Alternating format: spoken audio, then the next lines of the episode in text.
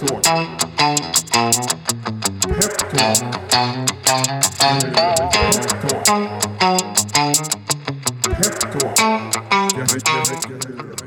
Då säger vi varmt välkomna till podden Peptalk. Jag heter Filip Scholtze och med mig idag i studion så har jag en gäst som jag aldrig har träffat förut men som det känner att jag känns väldigt väl eh, för att jag har eh, sett henne i mitt Twitterflöde under lång tid. Jag har läst artiklar på Breakit och massa olika ja, men, medier om eh, den här superstjärnan. Jag, vi, jag sätter liksom ribban från början så får, vi, eh, så får vi se till att hålla upp den och jag är inte alls orolig för det för att dagens gäst har ju också en bakgrund från Unga Aktiespar och då har man alltid en liten extra guldstjärna i, i min bok. Så jag säger varmt välkommen till podden Louise Hamet. Tack så mycket. Uttalar du ditt efternamn rätt där? Ja, det är en jättebra fråga. Jag, Hur uttalar du ditt efternamn? eh, jag brukar säga Sammet. Sammet. Ja, men det är inte riktigt rättstavat då. Nej. Så att, ja. Så det är, ja, det är okej ändå att, att säga Samet. Nej, jag har alltid bara, så här, vi, vi har ju aldrig träffats förut. Jag har ju också ett eh, efternamn som är väldigt, väldigt krångligt. Så att jag brukar känna så här att det är okej för mig att säga fel, för det är så många som alltid har sagt fel om mitt. Eh, men Sammet då? Härligt! Som tyget. ja, precis. Ja. Tack för att jag får vara här. Ja, men Jättekul roligt att vara att här. Hur känns det att vara här? Bra. Bra. Ja, kul! Ja. Eh, och jag börjar med första frågan då som, som jag alltid ställer innan vi drar igång med, som jag också alltid ställer eh, när vi väl har slagit på inspelningen, om det är poddpremiär eller inte. Är det det för dig? Är det första gången du spelar in en podd här? Här ja, men inte, Inte podd, eh, som generellt. Nej. Eh, då ska vi se hur det blir. Hur många poddar har du gjort förut? En bara. En bara. Vill du pusha för den? Ska man lyssna på den? Ja, ja definitivt. Men det, jag vet faktiskt inte var någonstans den är tillgänglig. Så att det är Mm. inte en eh, eh, superbra fråga. Ja. Man får, man får, eh, Eller det är en jättebra fråga men den har inte så himla bra svar. Ja, Jag förstår. Man får googla, man får googla på Louise Sammet och så får vi se om vi, om vi hittar den och sen så kan vi dela den i så fall på Twitter eller sådär. Jag tänker att vi, eh, så, så här, jag kan berätta lite bakgrund varför jag bjudit in dig. För Karl, vår producent där, han frågade sig, jaha, det är ingen Peppins-koppling på dagens gäst.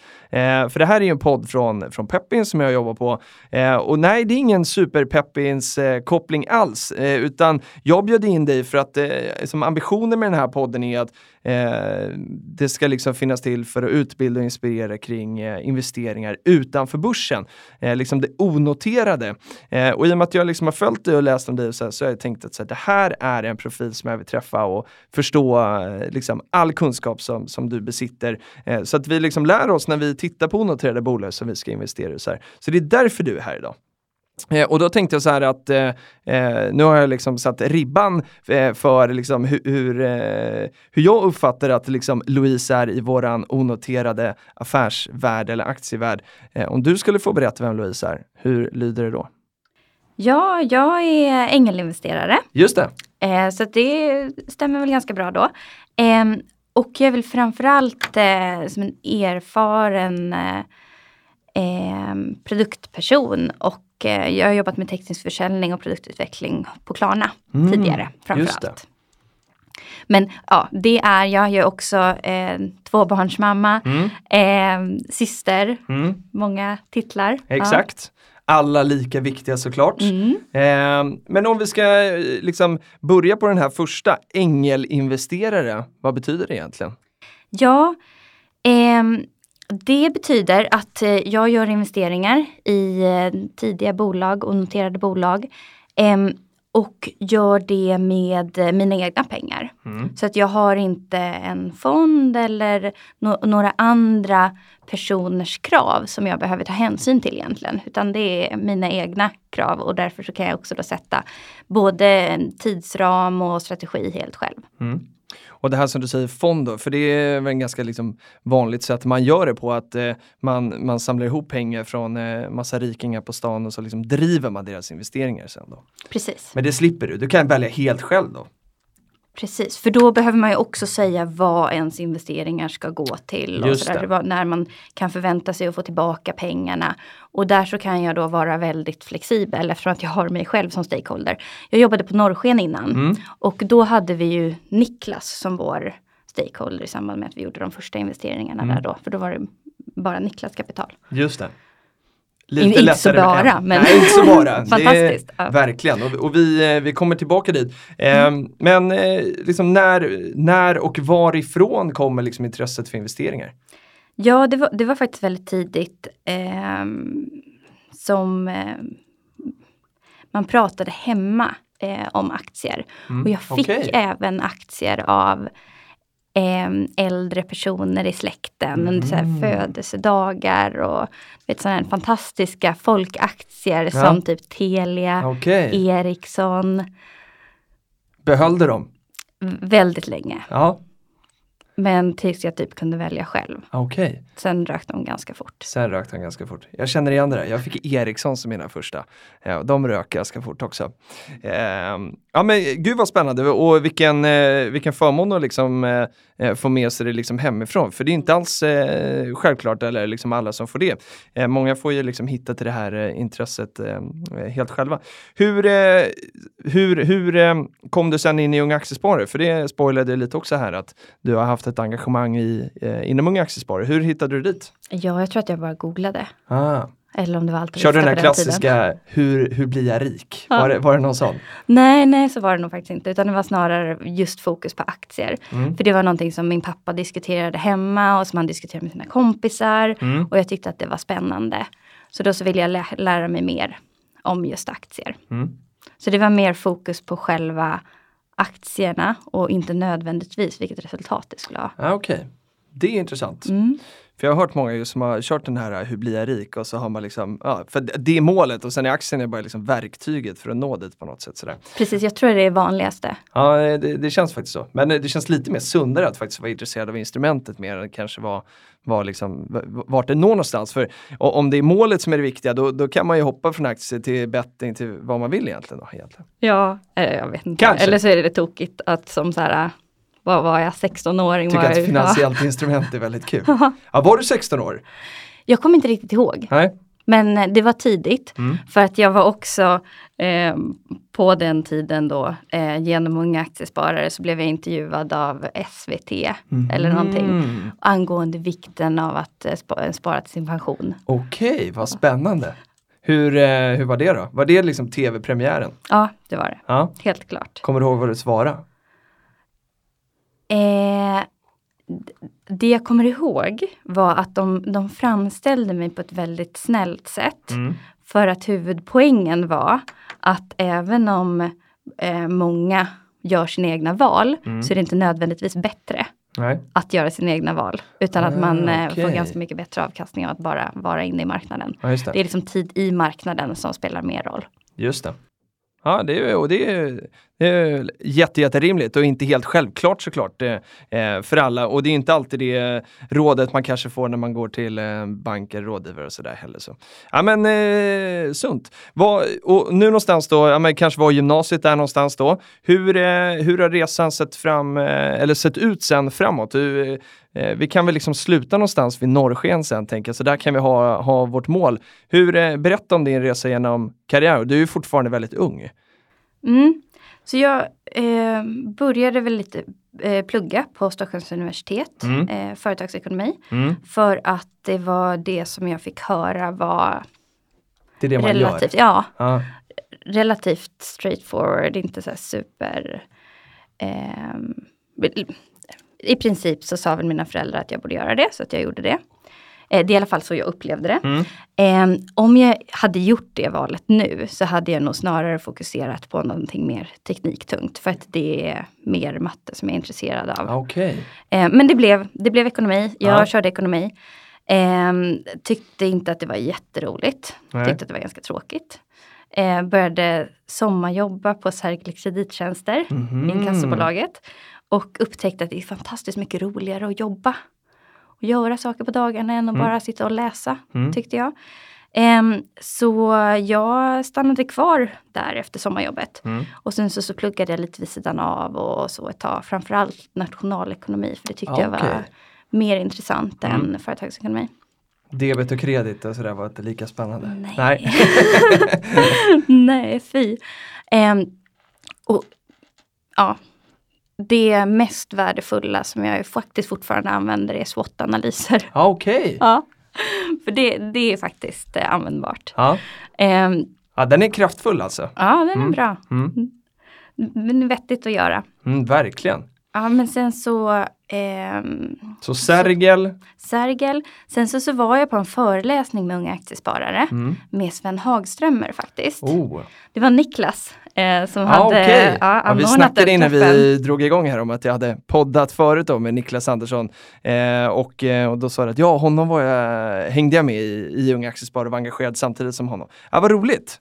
Precis, så han drog ihop en träff med Sven Hagströmer Mm. eh, som precis då hade investerat i Klarna. Ah, Så det här var ju då 2010 just det. eh, och då hade de gått in i Klarna och han eh, pratade väldigt varmt om det bolaget och de grundarna som var så fantastiskt duktiga och Mm. verkligen fick saker och ting att hända. Mm. Och det var liksom när jag hade varit på Sergel i nästan tre år. Och eh, det var en inte lika snabbrörlig organisation. Eh, för att säga det väldigt eh, eh, schysst. Ehm, men så då eh, så sökte jag upp Klarna. Ja. Och så eh, såg jag en roll som egentligen hade mitt namn på. För under tiden på Sergel så hade jag börjat jobba mer med eh, Jag hade jobbat med en del med produktutveckling, jag hade Mm. jobbat liksom med systemintegrationer, eh, varit spindeln i nätet när nya kunder skulle börja använda tjänsterna och sådär. Mm. Eh, och det var någonting som de sökte efter på Klarna just då. De, ville någon som, de sökte efter någon som kunde hjälpa till med teknisk försäljning och Mm. produkt, eller teknisk försäljning framförallt. Mm. Ehm, och då så, så hörde jag av mig och sen sa jag hej hej, ni borde anställa mig. Eh, och eh, de höll med. så det var ju, det var ju tur. Ehm, Hur stort var Klarna då? Alltså, alltså det var ganska stort. Ja. Det var en, typ 300 anställda. det var så många alltså? Ja. Eh, och de anställde typ en om dagen under den tiden. Så det var liksom Det är otroligt alltså. i värsta hockeystick, i början av hockeysticken där. Så Ja. det var fantastiskt roligt. Och sen så tog det inte lång tid från att jag hade börjat till att vi signade Ad- Adlibris. Mhm. Och det blev som bland mitt första stora projekt Okej. som jag skulle eh, ta mig an då. Och det, eh, det gick också väldigt bra. Ehm, och då fick jag möjlighet att åka ner till Tyskland Mhm. och eh, bygga upp samma sorts organisation där egentligen. Mm. Ehm, fokusera på just eh, teknisk försäljning, att onboarda de stora kunderna. Ehm, och var i Tyskland i ett och ett halvt år. Ehm, fram till att det var liksom en organisation som funkade jättebra och Mm. jag fick möjlighet att göra samma sak i resten av länderna. Ja. Och driva den organisationen. Så från att ha liksom varit en ganska liten del så blev det en betydande organisation med eh, 50 pers på sju olika marknader. Fantastiskt häftigt. Som du var liksom högsta höns för då? Ja, Ja, coolt. ja och superhäftigt. hur gammal var du då? Eh, nu måste jag räkna baklänges. Vad var jag? 26 kanske? Häftigt ju. Ja, fantastiskt roligt. Det var verkligen alltså, de sakerna som jag lärde mig på Klarna, så som jag fick utvecklas. Det var helt oslagbart. Det Mm. hade jag inte trott när jag började där, Nej. att jag skulle få möjlighet att växa så enormt. Nej, men då så liksom tidigt när man är ung och får så mycket ansvar liksom. Mm, Det mm. funkar ju att ge unga ansvar. Ja, Eller ja, ja verkligen. Så jag åkte ner till Tyskland eh, som, ja, jag var ju både ung och kvinna inom ett ganska tekniktungt eh, Ja. yrke. Det var inte lätt. Nej. Eh, det var definitivt utmanande, ganska mycket kulturella barriärer där som man behövde lära sig hur man, bara att ge feedback Mm. är annorlunda. Vi är väldigt försiktiga svenskar i hur vi ger feedback. Exakt. Det funkar inte lika väl eh, när man har ett annat kulturellt sammanhang. Nej. Det märkte vi också när, eh, när Klarna förvärvade ett israeliskt bolag så började vi jobba tillsammans med eh, fler personer från Israel. Och då märkte vi också att det var liksom kulturella utmaningar. Mm. Det är jätteroligt att jobba med folk från olika kulturer för att man behöver verkligen eh, kommunicera supertydligt. Så alla, alla är med på banan. Och där, är, Mm. håller med dig, där, där har man kanske inte alla förutsättningar med sig som svensk för att vi är lite för försiktiga där ofta. Liksom sådär. Eh, och eh, ja, ja men häftigt. Mm. Eh, och så här, hur, hur, när slutade du sen på Klarna då? Jo, så jag gick över från eh, teknisk försäljning till produktutveckling, jobbade Mm. med Bonnier News för att ta fram en produkt för att ta betalt för våra digitala tjänster, drev som Ah. nästan en liten startup inom bolaget. Mm. Eh, men sen så, så gick jag egentligen vidare från Klarna 2016 i samband med att jag hoppade över till Norrsken. Just det. Och då hängde du på en av de här eh, Klarna-grundarna då, Niklas till eh, Norrsken. Ja, precis. Jag hade lärt känna Niklas väldigt väl Mm. eh, under tiden på Klarna. Eh, och jobbat liksom både, om man ska säga med och mot. Eftersom att han hade varit på flera olika roller, bland annat inom risk och inom sälj. Aha. Jag hade framförallt varit inom sälj. Så jag hade väldigt bra koll på hur Niklas var att arbeta med. Och visste ganska mycket vad jag gav mig in i när jag hoppade över till Norrsken. Så det kändes som ett jättespännande steg. Mm. Och berätta om eh, liksom, vad, vad var tanken och idén med Norrsken för de som inte känner till vad det är. Ja, så ehm, ambitionen med Norrsken var att, eh, eller är fortfarande, att försöka göra så mycket gott. Mm. Eh, givet eh, de pengarna som man har och eh, eh, den erfarenheten eller kunskapen. Så det växte egentligen fram eh, till tre affärsområden. Mhm. Eh, en, eh, investe- en, en, ett affärsområde som är en investeringsverksamhet. Mm. Där man investerar i tidiga bolag som försöker göra världen bättre med hjälp av teknik. Mm. Eh, ett labb där man har några egna idéer som man eh, både ger den första finansieringen och också eh, anställer team till för att eh, eh, ut, ta, ta, om, ta sig an de utmaningarna. Mm. Och, Sådana inkubatorverksamhet verksamhet och så. ja, precis, Mm. men helt finansierad eh, av Norrsken. Okej. Eh, och även eh, Norrsken House Mm. som är ett eh, kontorshotell för eh, entreprenörer men det är också investerare som sitter där. Välkurerade eh, medlemmar. Mm. Och det är det vi hittar här på Birger då va? Precis, i Ja. spårvagnshallarna. Just det. Ja, och där finns också Taku Taku, den här veganska Mm. fastfood-kedjan som, Mhm. eh, som vi har crowdfundat. Det är lite, lite kul faktiskt. Det känns, som, eh, ja, det känns som de hör hemma där på något sätt. Jag Ja. vet inte varför men det bara, det bara känns så. Ehm, ja men vad häftigt. Och, eh, och om vi ska liksom titta på Norrsjön då utifrån, ja men är det eh, är liksom tanken att göra gott men ändå lönsamt eller är det ren välgörenhet? Eh, det beror lite på hur man ser på det. Eh, från, eh, från Niklas perspektiv så är det väl väldigt mycket välgörenhet. Mm. Eh, sen så, så görs det genom att investera i bolag som också har affärsmodeller. För det är så som man har störst påverkan på sikt. Just det. Eh, medan de, eh, de andra områdena som till exempel labbet där man provar egna affärsmodeller eller egna ehm, lösningar för att försöka ta sig an eh, Mm. till exempel korruption. Mm. Där är det väl lite längre tidsram till att det någonsin kommer kunna ehm, Ge effekt på något sätt. Då. Ja, eller Mm. i alla fall gå cashflow positivt. Ja, just liksom. det. Just det. Men eh, ja, så, så det är lite olika det är lite olika tankar där. Fonden, som nu är en fond, Mm. eh, investeringsbiten, där är det mer eh, fokus på faktiskt affärsmodeller där det också Mm. eh, finns möjlighet till finansiell avkastning. Mm. Men är det tekniska, är det alltid med? Eller är det, så ska det både liksom vara social och liksom schysst mot världen och också liksom, ja, men att det finns en teknisk liksom plattform eller funktion på något sätt? Ska det alltid vara de två komponenterna? Så var det i alla fall när jag var där, Mm. att det alltid skulle vara de två. Mm. Och det var just för att det skulle vara skalbart. Ah. Och det var, den, eh, det var det som vi liksom kunde bidra med. Mm. Att det var den erfarenheten som vi, där vi hade lärt oss någonting, där vi kunde hjälpa till med att faktiskt få skala på det. Just För det är en det. väldigt hög alternativkostnad på att försöka investera i någonting när man samtidigt ska jämföra det med att ge pengar till att till Ja, det exempel ja, men, köpa malarianät eller någonting som liksom har väldigt hög effektivitet. Exakt. Där behöver man då vara väldigt medveten om kostnaden. Mm. Vad, vad blev din roll då på Norrsken? Liksom vart inom de här tre, eller jobbade du liksom eh, med alla tre affärsområden? Ja, så min första roll, tanken från början var att jag skulle vara ganska hands-on och jobba med produktutveckling i de bolagen Ah, som jag investerade i Mm. och även de eh, som vi byggde själva. Mm. Eh, sen så, så såg vi väl att det, ehm, det behovet som fanns var snarare ett bollplank. Mm. Eh, inte riktigt en heltidstjänst med just den delen. Mm. Och då hoppade jag snabbt in på investeringsbenet Okej. och eh, var Chief Investment Officer där för ett tag. Mm. För att det var det som jag tyckte var fantastiskt roligt. Eh, jag upptäckte både att jag hade väldigt mycket erfarenhet Mm. som jag inte riktigt hade värdesatt innan. Nej. Men det blev tydligt för mig när jag började jobba tillsammans med entreprenörerna Mm. att jag satt på väldigt mycket erfarenhet som faktiskt var användbar för dem. Mhm. Och jag tycker själv att det var fantastiskt roligt att få eh, jobba med sådana fantastiskt duktiga människor Mm. som vi investerade i.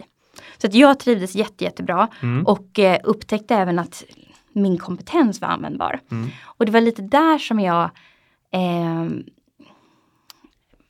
började se att ja, men, det finns ganska många bolag som gör saker där jag har väldigt mycket att bidra med Mm. som kanske inte passar under Norrskens paraply Okej. inom just fintech. Där jag personligen tycker att eh, det är viktigt att alla bolag som jag investerar i är, ehm, bidrar till att världen blir bättre. Mm.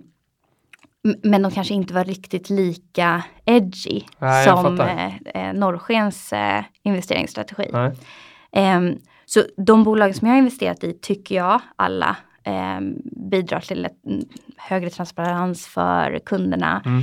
ehm, bättre villkor, någonting som det finns ett stort behov av inom just finansiella tjänster. Just det. Men så då tog du steget sen och, och eh, liksom klev av Norrsken och, och eh, började vara ängelinvesterare då liksom på heltid? Ja, Ja, precis. Det var, det var läskigt. Ja, det var det? Ja. Men jag tog mig igenom det genom att också ha lite konsultuppdrag till en början. Ja, okej. För att liksom känna att eh, just ur ett cashflow perspektiv så är det ganska skönt att ha mer intäkter än vad man har utgifter. Just det. Eh, och då så, ja men så i början så hade jag 50% konsultuppdrag och Mm. sådär.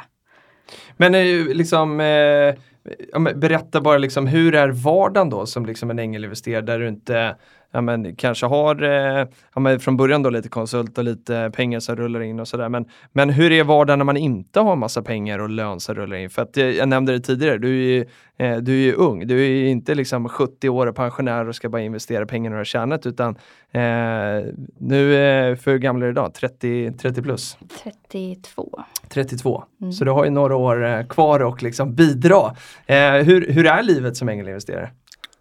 Ja, alltså, jag tycker att jag har världens bästa jobb. Ja, utveckla. Ja, eh, jag får jobba med eh, superdrivna entreprenörer Mm, och försöka hjälpa till där jag har erfarenhet. mm, Eh, jag investerar i folk som jag verkligen tror på mm, och eh, ser det som lite av en, eh, som mitt commitment att börja, eller att vara tillgänglig för att hjälpa till. mm. Så och när jag gör en investering så, så är det som mitt sätt att säga, ja, men nu, nu är jag med på den här resan. Nu eh, kommer jag bidra med min tid också. Mm.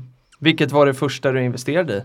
Det var Pleo Okej, som blev först. vad är de för något? Eller ja, Lending Home Ja. är längst längst bak, men jag räknar knappt med den för att det var lite innan jag gick över och blev Mhm. ängelinvesterare på riktigt. Ehm, och, men Pleo var väl liksom den första. Ehm, och det var i samband med att jag var i San Francisco i en månad och träffade en massa investerare där. Okej, Och eh, utifrån allting som de sa så skrev jag liksom ner ja, men, eh, hur man kan se på att man eh, ska göra investeringar, hur man tittar på marknaden, hur man tittar på team och sådär. Och sen så, så, så kom Pleo upp och på papper var det liksom full pott. Mhm. Och då kände jag Vad här, betyder full pott? Vad var det som var bra då? ja men ett tydligt problem. Mm. Alltså, expense reporting, alla som har jobbat tycker att det är kast liksom. Okej, behöver jag som bättre. anställd som ska samla mina kvitton och be Precis. om utlägg. Okej, Precis. ja, det är ju inte drömmen. Nej, det är inte det. Inte för någon. Ehm, definitivt någonting som man kan tänka sig att be- betala för att bli av med. Verkligen. Ehm, en stor marknad. Mm. Eh, ett team som känner varandra väl, som har jobbat tillsammans både i det här företaget men också på ett tidigare bolag så att de känner varandra väldigt bra. Ja, Ehm, och så har de SME-kunder, vilket är liksom small medium eh, kunder som är väl, får man säga det mest förutsägbara? Och vad betyder det? Eh, ja, ehm, att när man, när man säljer till små och medelstora företag Mm. så ehm, Alltså förutsägbara som i att man förstår eller liksom, eh, som är att konsumenter är flyktiga och de kan man inte Ah. riktigt lita på. s- att sälja till stora kunder eller Enterprise Mm. eh, är väldigt riskabelt. Det är väldigt långa säljcyklar och dessutom så ehm, kan det vara helt personberoende. Ja. Om fel person slutar så kan man vara körd. Ja, börja från början igen. Mm. Och då är väl SMED som det mest förutsägbara, vilket är trevligt. Mm. Eh, men så det var, kändes som ett bra eh, första case. Och så var det även så att men, det var tydligt för mig hur jag kunde bidra med värde där också. Mm. För till exempel onboardingprocessen för de här nya kunderna var någonting som jag hade ganska mycket erfarenhet av från Klarna och så. Så det Just kändes det. som bra. Och hur, eh, liksom, hittar de här bolagen dig eller hittar du dem? Eller hur, eh, hur fungerar det dealflowet som det så fint heter? Ja, det är, det är väldigt olika. Ja. Eh, jag eh, eh, I början så fick jag mest varma introduktioner från folk som jag kände. Okej. Ehm, och så är det fortfarande såklart. Ehm, mina absolut bästa eh, kontakter är grundare som jag har investerat i. Mhm. Som rekommenderar mig till andra grundare. Okej. Det är det absolut bästa som kan hända. Mm. Ehm, men jag, har, jag investerar också med VC-firmor. Alltså som Creandum, Inventure har jag saminvesterat med. Mm. Ehm, där de tycker att ja, men det kanske är någon att jag vore bra att ha med på tåget Mm. för att jag kan hjälpa till med någonting. Just det.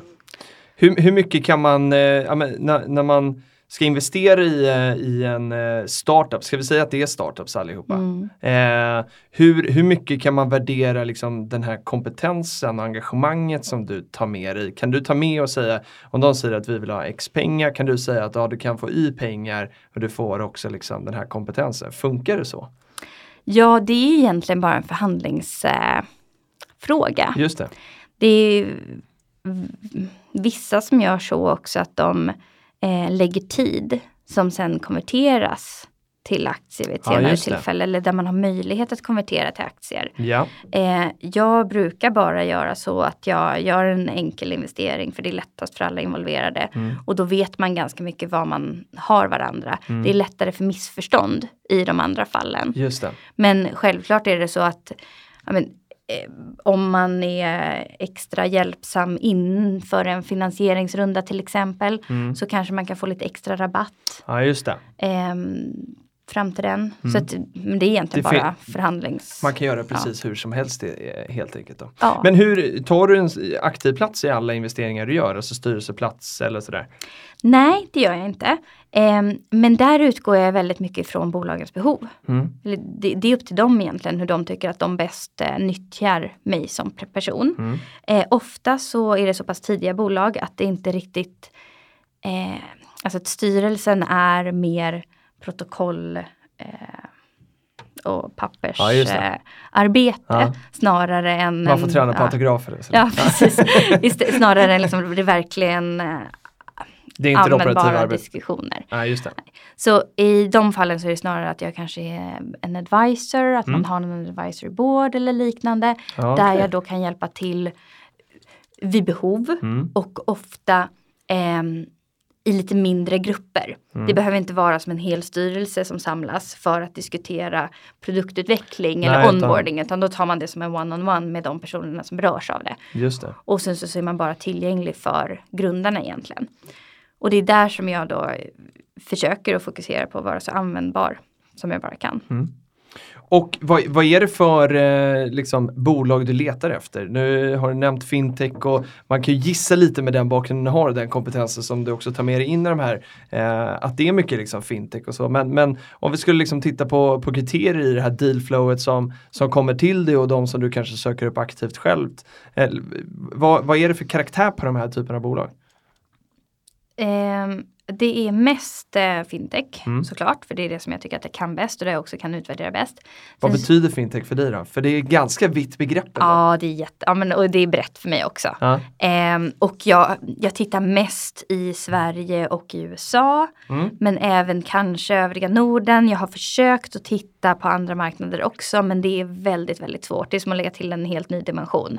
Okej, Alltså jag tittade på några som skulle starta en bank i Brasilien. Det var hopplöst där. Ja, nej, men det var, det var väldigt svårt. Av liksom juridiska problem? Ja, Eller, ja. för att eh, jag förstår inte, eller jag vet inte hur det juridiska landskapet ser ut överhuvudtaget. Vad behöver man för tillstånd för att köra en bank där? Jag vet inte. Nej. Det är verkligen som att eh, ta en helt ny dimension. Så jag eh, backade där ganska tidigt. Mm. Så, ehm, men eh, jag vill kunna bidra med någonting. Mm. Vilket har blivit, ja men det är ganska mycket B2B. Mm. För att där har jag teknisk försäljning och onboardingprocessen. Ehm, och det är ganska mycket fintech för att där har jag också bra förståelse för hur den marknaden ser ut och vad man har för några utmaningar och sådär. Ehm, och produkter med två olika användare. Mhm. Alltså som Klarna har ju butiker och Ah, konsumenter. Jag Det är konsumenten som behöver vara den som älskar produkten men det är butiken det. som betalar för den. Ja. Det är lite komplexa, eller man behöver göra lite komplexa avvägningar och liksom en strategi för det. Mm. Och där har jag eh, också någonting att bidra med. Mm. Så det är väl egentligen det som jag utgår ifrån mest. Mm. Det ska eh, Jag gör relativt små investeringar och då är det eh, då är det ingen som kommer till mig för pengarna. Nej. Utan det är snarare att entreprenörer ger mig utrymme att vara med och Ah, investera. för att de vill ha dig på tåget? Ja, precis. Ah, Okej, det måste ju vara häftigt. Ja, Och känna ja, så, ja, eller hur? Ja, ja, verkligen. Ja, men, och, eh, I dagens marknad Mm. när pengar är relativt lättillgängliga också och eh, de absolut flesta kan välja och vraka lite. Mm. Då behöver man ha mer värde. Verkligen. Det känner jag igen från Peppis då. Det är liksom, många undrar ju vad det är för bolag som kommer till oss. Så det är ju precis sådär att ja men, eh, ja men, pengar går lite att hitta var som helst. Man skojar ibland om att pengar är gratis idag och sådär. Eh, men vill man ha någonting liksom extra så är det ju det man liksom måste bunkra upp med och liksom också då sälja in på något sätt. Så att jag, jag förstår. Vad, vad, vad roligt, vad häftigt. Eh, men hur, hur mycket Eh, hur mycket tittar du eh, på, om vi liksom ska in på aktienörderiet lite grann då så här. Eh, allt har ju ett pris. Hur mycket tittar du på liksom värderingar på den här typen av bolag? För om vi jämför med liksom det du och jag har lärt oss i Unga Aktiesparare så är det mycket på börsen, man räknar P tal och det är allt möjligt. Det är rätt svårt att göra på bolag som inte tjänar några pengar. Hur, hur mycket tittar du på värdering? Ja, alltså där så tycker jag att det är ganska viktigt att veta vad man inte kan veta. Okej, utveckla. Ja, ehm, det är som eh, det finns som inget värde att räkna på en multipel Nej. på någon som inte har dragit igång än. Eh, det, det man kan titta på är hur stor är marknaden Mm. och finns det någon betalningsvilja om man löser det här problemet. Ja, just det. Och om det finns en betalningsvilja, vad tror man att någon kan betala? Mm. Okej, givet att marknaden är så här stor, finns det någon sorts logik i att det här går ihop? Mm. Ja eller nej? Mm. Behöver man räkna på det, då är svaret troligtvis nej. Ah, Eh, det är intressant. ja. eh, och det underlättar om, om man har den inställningen Ja, också, för det blir inte För så då kan himla du ta bort komplext. ganska många case också då kanske? Ja. Ja. Ehm, och sen så, så utgår jag väldigt, väldigt, väldigt mycket ifrån teamet. Mm. Och då är det också, då, då, då litar man också på att teamet kommer ja, men, hitta en väg framåt. Mm. Eh, även om eh, eh, det första som man ser kanske inte nödvändigt, eller det, det man vet, Mm. det är att det första som man ser är inte så företaget kommer se ut om tre år. Nej. Så det kan man vara ganska Ja. säker på. Eh, tror man att de som man investerar i kommer hitta vägen fram? Mm. Eh, ja eller nej? Mm. Så att, ja, allting är liksom rörligt och då, då gäller det att, eh, att, att vara öppen för det. Och sen så, så värderingar är jätte, jätte, jättesvåra. Mm. Eh, men det, är egentligen samma sak när man tittar på bolagen på börsen. Verkligen. Om man tittar på eh, framförallt techbolagen som är liksom har Exakt. helt eh, eh, orimliga värderingar och liksom har haft väldigt länge. Eh, men det är fortfarande det, är det som marknaden säger Mm. och då är det det som får vara rimligt Exakt. just nu. Ehm, Man önskar ju alltid att liksom, det var en vetenskap. Man hör ju ibland så här, nej det där är för dyrt. Men det är för att du tycker att det är för dyrt. Jag kanske inte tycker att det är Nej, för dyrt. nej. Och det är det som är så, det är det som är så alltså det tog ganska många år för mig att liksom fatta det här med, med, med värderingar. För att när man hör de som, som tycker att de kan saker, så uttrycker att saker och ting är för dyrt, så trodde jag alltid att så här, ja det är nog för dyrt då. Men Mm. det gäller att skaffa sin egen uppfattning om de här grejerna såklart. Mm, definitivt. Och det är precis samma sak med de onoterade bolagen. Och där har jag ju ändå, ja, men eftersom att i, jag i princip alltid går in tillsammans med någon annan aktör som är den som tar stora delen av investeringen. Ah, okay. Men då flyter jag ju Mm. ganska mycket med på deras, Just ja, det är det. de som sätter värderingen. Ah, okej. Och det är de som sätter villkoren. Mm. Och jag tar liksom en del, Mm. en jätteliten. Så det är liksom, eh, det är inte så komplext för nej, mig. Nej. Så du sitter, ja men är paketet liksom färdigt när du får det eller kan du liksom, sitter du med och liksom förhandlar i värdering och sådär också med din saminvesterare eller är det ofta färdigt när det kommer? Eh, antingen så är det färdigt när det kommer. Eller så hoppar jag på eh, typ mellan rundor. Ah, okej. Med ja, antingen så här ett cap och Mm. en rabatt till Mm. nästa. Okej. Vilket är ganska, ganska vanligt. Mm. Och då sätter man så här, ja men jag kan tänka mig att gå in eh, till den här värderingen eh, givet den här rabatten. Just det. Men då har man ett max så att man vet ungefär vad man får för någonting i alla Mm. fall. Har du några avkastningskrav? Alltså så här att du går bara in i grejer som du tror att du kan göra x10 på eller x100 eller har du några sådana liksom, ambitioner liksom med, med investeringar? Eller ambitioner, krav kanske? Mm. Ja, alltså om, det inte, om jag inte ser att det går att göra 10x, Mm. då tycker jag inte att det är värt risken. Nej. För risken gissar vi då är hög, är det, är det din bild? Ja, risken är enorm. Mm. Och framför allt så är det ju ingen likviditet Nej. överhuvudtaget. Och det är väl den stora delen där man ska jämföra med till exempel investera på, eh, på börsen. Där det ju i princip, eller liksom för de, på de absolut flesta marknadsplatserna så finns det ganska ordentligt med likviditet. Det är ingenting som man behöver vara orolig för. Eh, men det finns inte alls när man investerar i tidiga bolag. Nej. Är, det då också viktigt för dig att de här bolagen har en ambition av att komma till liksom, likvid marknad någonstans eller spelar det ingen roll? Nej, eh, där kan jag vara jättelångsiktig. Mm. Eh, det är skönt för mig om jag har någon eh, VC inne också. Mm. För de har det kravet. Ah, okej. Och då har de om ofta åtta eller tio år som ambition. Mm. Och då vet man att det i alla fall det kommer röra sig åt det hållet. Mm. Men eh, egentligen så tror jag att för bolagens skull så är det inte nödvändigtvis bäst att vara eh, publikt. Nej. Utan det kan snarare vara så att det är bättre att vara privat. Just så det. länge som det bara går och Mm. så länge det finns tillräckligt kapital. Titta på Klarna och- Ja precis, som inte behöver liksom eh, maxa nästa kvartalsrapport Exakt. hela tiden. Utan kan vara mycket långsiktigare. Jag tror också man ser det, det finns några rapporter som visar att bolag som är eh, familjeägda Mm. eh, presterar bättre över tid. Mm. Och då har man, ja, det, det är en ganska ehm, en, en ganska mm, välvillig definition där det är typ 30% eller något sånt där ska vara familjeägd. Okej, För då, då, då kan man vara mycket långsiktigare än börsen i övrigt. Just det. Ja, det, är, det, det där är jätteintressant och det är också ja, men, eh, en, en viktig del liksom, eh, om jag bara kollar på oss på Peppers, liksom, att, kunna, ja, men, att kunna erbjuda lite likviditet och liksom bara liksom öppna upp den här. För den är ju väldigt stängd den här marknaden annars. Så vi som eh, har varit med i Unga Aktiesparare har ju alltid varit liksom beroende av att ja, vi får handla det som redan är på börsen. Så där. Eh, och nu finns det tillväxt i de bolagen också, det är ju inte det. Men, men alla kanske inte gör, eller har potential att göra tio gånger pengarna i alla fall. Investerar du någonting på börsen också? Ja, Ja. men det, det är snarare för att jag har ju en eh, investeringsstrategi. Ja. Eh, jag kanske skulle lägga så här 5-10 av mina tillgångar i eh, eh, onoterade Mm. aktier. Absolut inte mer än så. Eh, och har ju såklart då ja, men, både tjänster som Lysa, Mm. som jag tycker är en fantastisk eh, bra produkt. Kul, ja vad Ja. roligt.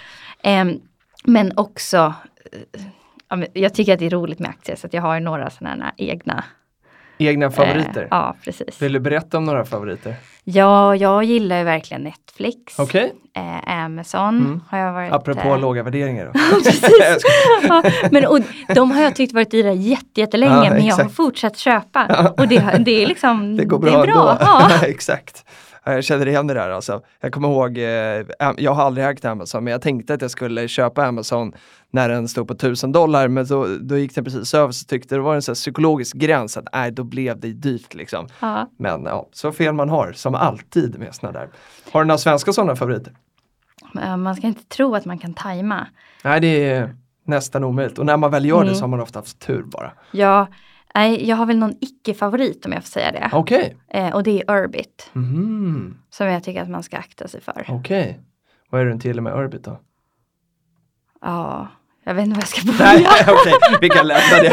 det, nej, det är mycket. Eh, de, det verkar vara eh, bara senaste rundan, de har gått med alldeles för mycket förlust under en alldeles för lång tid. Det är väldigt många varningstecken där. Men, men eh, tar det inte liksom väldigt lång tid och jag, jag försvarar inte Urbit men bara liksom generellt med den här typen av bolag då. Alltså tar det inte väldigt lång tid och kostar väldigt mycket mer pengar än man tror? Absolut, så är det definitivt. Och jag vet inte hur många miljoner de tog in sist, men det skulle väl räcka i några månader. Och då tror man inte att det kommer göra någon skillnad och då är frågan varför de ska ta in kapital överhuvudtaget. Och, Ja, jag förstår. Vilket vi börjar se nu att ja men kassan är slut i alla fall. Mhm, jag fattar. Eh, ja, intressant alltså. Och Lysa bara för, eh, har, har du några liksom intressen idag? Är det därför du Nej, lyfter nej, Utan nej. bara allmänt att den Ja. är härlig? Jag eh, känner Emily som är grundare. Ja, Ah, okej. Har inga Nej, intressen överhuvudtaget men tycker att de är fantastiskt bra. Ja. Jag har inte testat någon sån här robot än.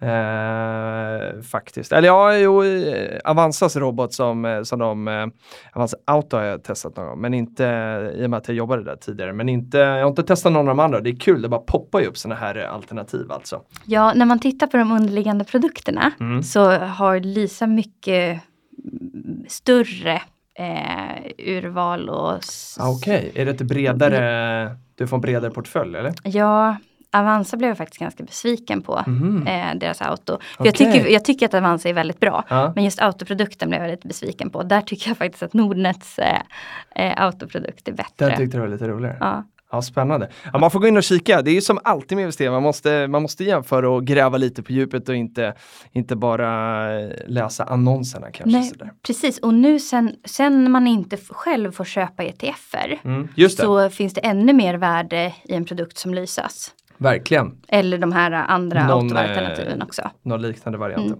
Ja, det där är ju snårigt när ETF-erna eh, försvann, eller de, de amerikanska var det väl eh, eh, som försvann för, som oss som svenska investerare då.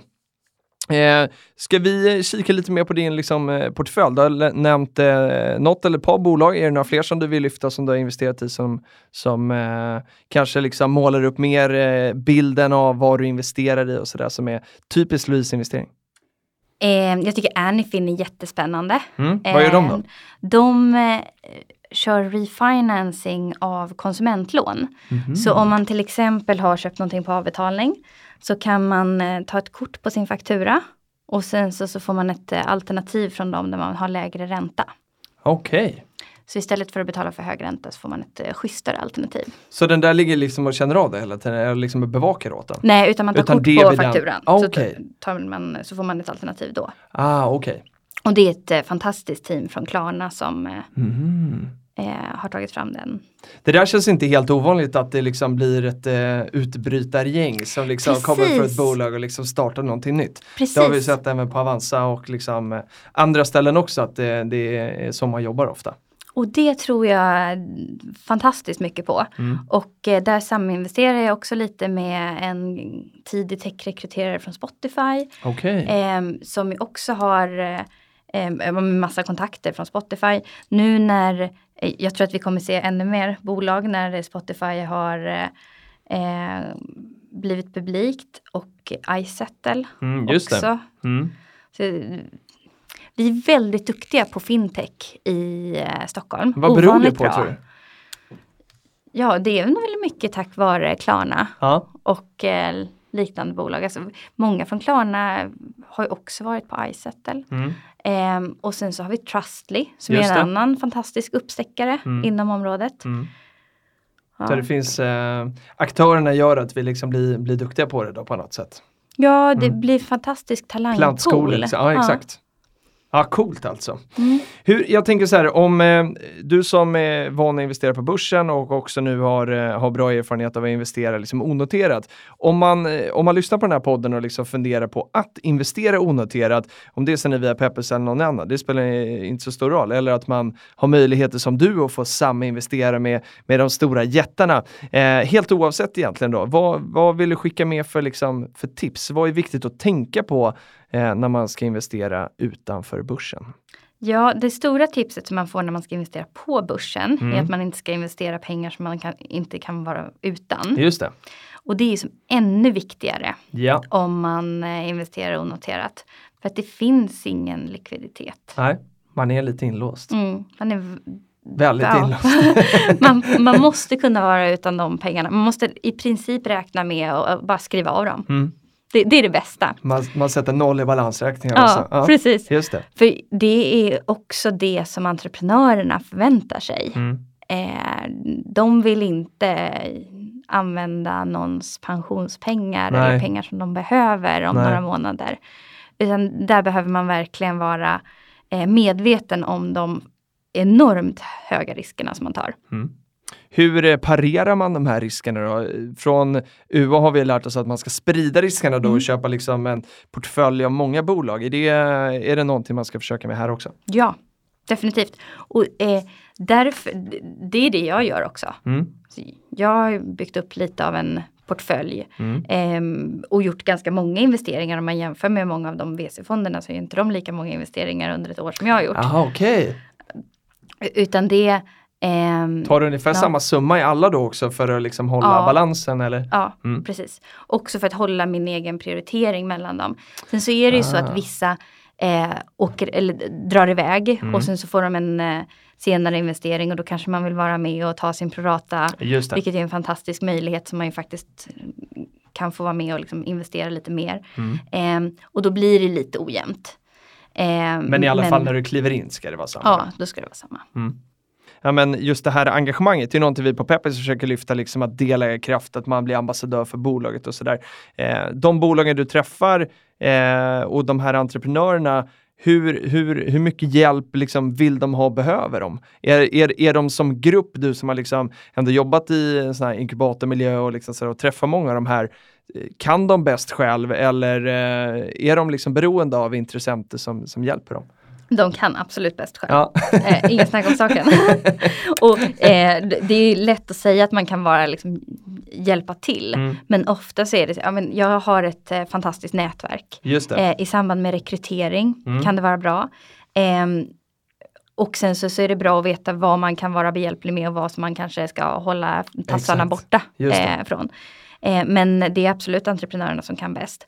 Och jag kan hjälpa till att problematisera kring olika ämnen. Ja. Också vara behjälplig i samband med att man ska ta in pengar i framtiden och ha kontakter där. Mm. Ehm, mm. Men delägarkraft att till exempel eh, använda men en aktör som Peppins Mm. för att ehm, förstärka sina relationer och ha liksom eh, ambassadörer Mm. är en enorm eh, möjlighet där man eh, som bolag kan få ja, men, jättemycket ambassadörer eller ja, men, var det Paradiset också som Inte via oss, men de har, nej, de har gjort det via, jag tror det var Funded by Me, eller det var Funded by Me som körde den och sen tror jag Mm. att, nu tror jag att de gör det själva. Okej, En liten ja. brasklapp, jag är inte Mm. hundra, men det var inte vi i alla fall. Nej, för de gjorde ju till och med så att man fick rabatt. Ja, eller exakt. något sånt där när man skulle köpa mat. Exakt, Och då driver man ju också konsumtionen. Liksom. mm. Eh, det blir en positiv spiral i det där. ja, jag tror Skistar har också haft någon eh, De aktieägarrabatt länge. Exakt, de hade ju länge, eller ja, det är nog 15% faktiskt på, eh, på liftkort och liksom eh, boende och hyra och sådär. Och det, blir ju, det kan ju bli väldigt mycket pengar då. Liksom. Mm. Så att nu har ju Skistarksen gått väldigt bra så nu kostar det ganska mycket för att få den där rabatten. Men eh, så, så det kan ju vara bra då liksom i börskrascher så kan man ju faktiskt gå in och eh, köpa ett gäng aktier lite billigare då. Så där kan man verkligen räkna på liksom, vad kostar det för mig att få den där rabatten. Mm. Vad bra! Eh, Finns det någonting annat som är viktigt att skicka med eller som är bra att tänka på eller eh, någonting man ska hålla utkik efter om man vill liksom ha inspiration om onoterade aktier eller så här, vad som händer i Fintech Stockholm eller vad som helst. Vad, eh, finns det någonting du vill skicka med som är här är bra att hålla koll? Ja, eh, Breakit och det digital är Mm. de helt klart bästa Mm. eh, ställena att få inspiration. Jag tittar jättemycket på USA Mm. och spenderar ganska mycket tid i San Francisco. Okej. Eh, och tycker att eh, ja, men, det är mycket som händer där som är intressant att eh, eh, veta om. För jag tycker att vi ibland så ligger vi lite efter. Ja det är ändå så. Även fast vi håsar Stockholm ganska mycket som. eh, Ja, men vi gör det. Och eh, ja, men det, det finns också spännande idéer som kommer därifrån som ingen tänker på i ja, eh, okej. Europa. Och det kan också vara någonting som man kan titta på. Det funkar ju åt andra hållet också Det är såklart. klart. Det är klart. Ehm, och det finns lite andra problem och så. Men det är ändå n- när det gäller startups Mm. så är San Francisco ett fantastiskt ställe att vara på. Mm. Häftigt! Mm. Jag har aldrig varit i eh, San Francisco så det får, eh, det får bli nästa resa då kanske. Ja, ja. Man får åka dit och, åka dit och kika och andas in mycket, mycket tech då helt enkelt. Är, finns det mycket fintech där också? Ja, Ja. Jättemycket. Mm. Eh, där är det till och med så att man kan lösa lite mindre problem Mm. och ha en större möjlig affär i det. Okej. Eftersom att det är en större marknad. Just det. Här är det väldigt eh, Sverige är inte så stort. Nej, Nej. och hela Europa är väldigt fragmenterat så att man behöver liksom ja, ganska komplext att också erbjuda en lösning i Tyskland till exempel. Det Just har det. vi testat. Du har testat det och även om det är så nära så är det ändå så långt bort och så annorlunda då. Ja, precis. Och även eh, Norge är ju annorlunda, Finland annorlunda. Mm. Häftigt! Mm. Eh, det är erfarenheter man liksom samlar på sig längs den här eh, vägen. Sista frågan som jag, eh, det, det slog mig, jag hade inte skrivit ner den här men sen eh, nämnde du tidigt att, att eh, men just det här med Tyskland, erfarenheten och då komma som eh, liksom både ung och tjej och liksom inom teknik eh, så förstår man då att, det- att det har varit utmaningar. Men, men nu har du ju då valt att eh, liksom även gå in i investerarvärlden som också är liksom väldigt mansdominerad. Hur, eh, hur fungerar det? Ja, det fungerar jättebra. Ja, Jag ser att det finns eh, enorma möjligheter. ja bra. Ja, eh, och är också aktiv inom en tankesmedja som heter Ownershift. Okej. Där vi vill öka andelen kvinnligt ägande. Eh, för att det är tydligt för mig både inom teknikvärlden och inom eh, investeringsvärlden att det eh, Det finns råder brist. kvar. Ja. Ja. Och det som jag också ser Mm. är att eh, ehm, det, det finns, det, det är lite olika ehm, sätt som man har tränat på att pitcha. Mhm. Så eh, när jag till exempel jag träffar jättemycket entreprenörer Mm. och ser då ganska stor skillnad i hur man framställer sin affärsidé. Beroende på framförallt vilken skola man har gått i. Okej. Eh, men också vad man har för kön eller vad man har för Mhm. eh, utbildning, socioekonomisk Just det. eh, förutsättningar och Ja, sånt ja, där. Det, jätte, det spelar stor roll Mm. i hur man pitchar. Mm. Och då är det viktigt att personen som sitter på andra sidan eh, kan värdera en Mm. utifrån eh, det budskapet som man ah, har. okej. Inte nödvändigtvis efter hur man väljer att pitcha sin eh, Ah, idé. Fattar. Och där finns det enorma möjligheter. Men där finns det också fantastiskt duktiga eh, personer och bolag som till exempel Backing Minds. Mm. Just det. Med, Känner vi på ja. Peppins? Ja, Ja. ja. Ja, de hade ju en jätteframgångssaga genom er ja. Exakt, de Ja. har investerat i Dynamic Code då. Mm. Som eh, var, första rundan eh, stängdes på 39 minuter, det var ett rekord. Mm. Eh, där. Och sen hade vi eh, en ny runda med som, eller med Dynamic som stängdes här i förra veckan. Så där, eh, det är en liten värld. Mm, mm, Nej, de är ju superduktiga. Ja, men så det finns verkligen potential där. Oh ja. Där det både finns investeringsmöjligheter som kanske inte uppskattas så mycket som de borde uppskattas. Nej. Eh, men ja, dessutom så är det ganska Folk ser ganska lika ut, har ganska Mm. lika erfarenheter och gått i samma skolor och sådär. Mm, Så att, exakt. ja. Men jag, liten framtidsspaning då, så jag har suttit i juryn för uh, Ung Företagsamhet eh, och tagit fram årets bästa UF-företag här i Stockholm i tre år nu tror jag. Eh, och, eh, och där är det ju, eh, alltså eh, tjejerna står på en bana med killarna. Det är, det är svårt, det har varit svårt för oss att liksom hitta Eh, ja, men liksom, ofta, ibland är det så att eh, man går ihop med ett gäng kompisar driver företaget och då är det, ibland är de mixade och det blir ofta bäst men eh, ibland blir det ett företag med tjejer och ibland med killar.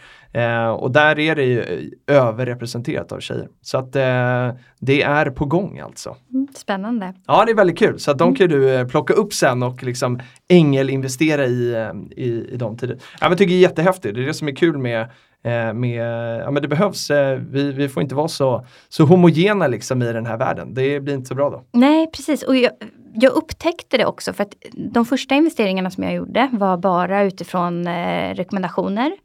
Eh, och, sen, så och då var det i princip eh, bara män med liknande bakgrund och liknande bakgrund som jag själv också från Klarna och sådär.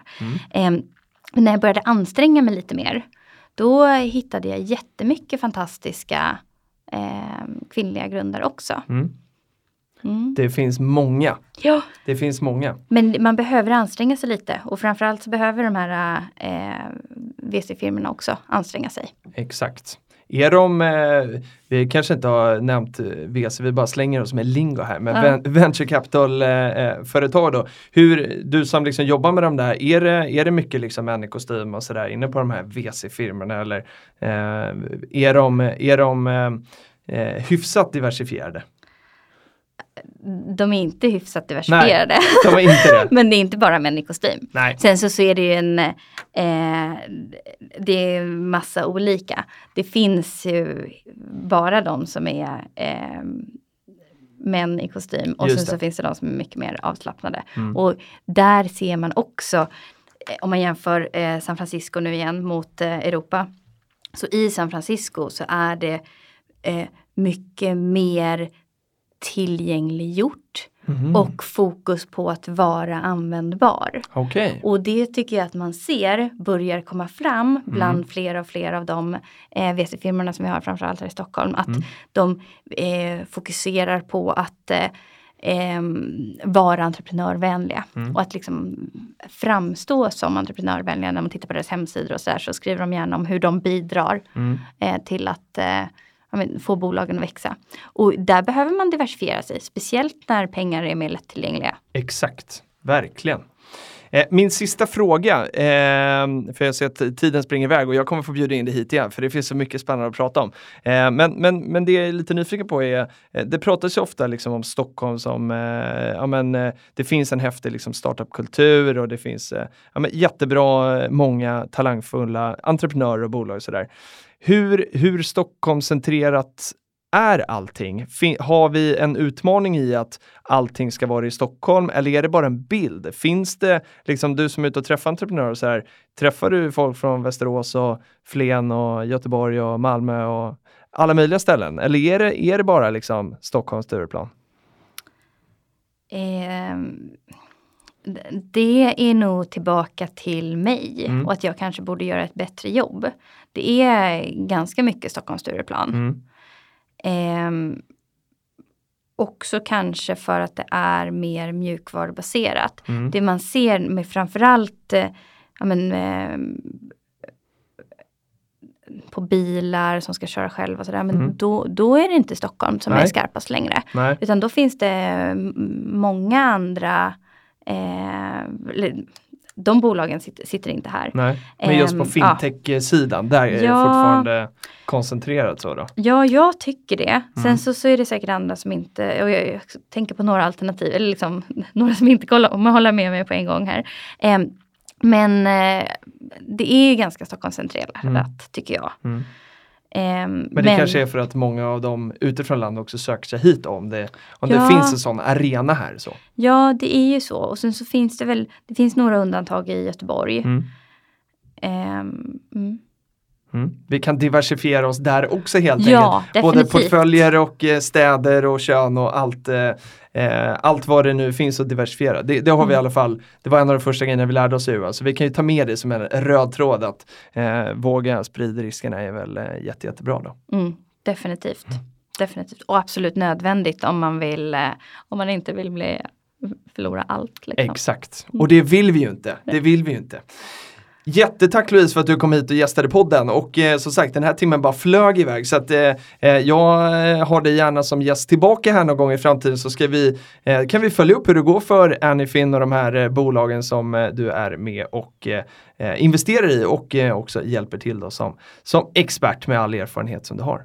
Stort tack! Tack så jättemycket, det var jätteroligt. Ja, kul! Vi ses igen. Det Ha det vi. bra! Tack.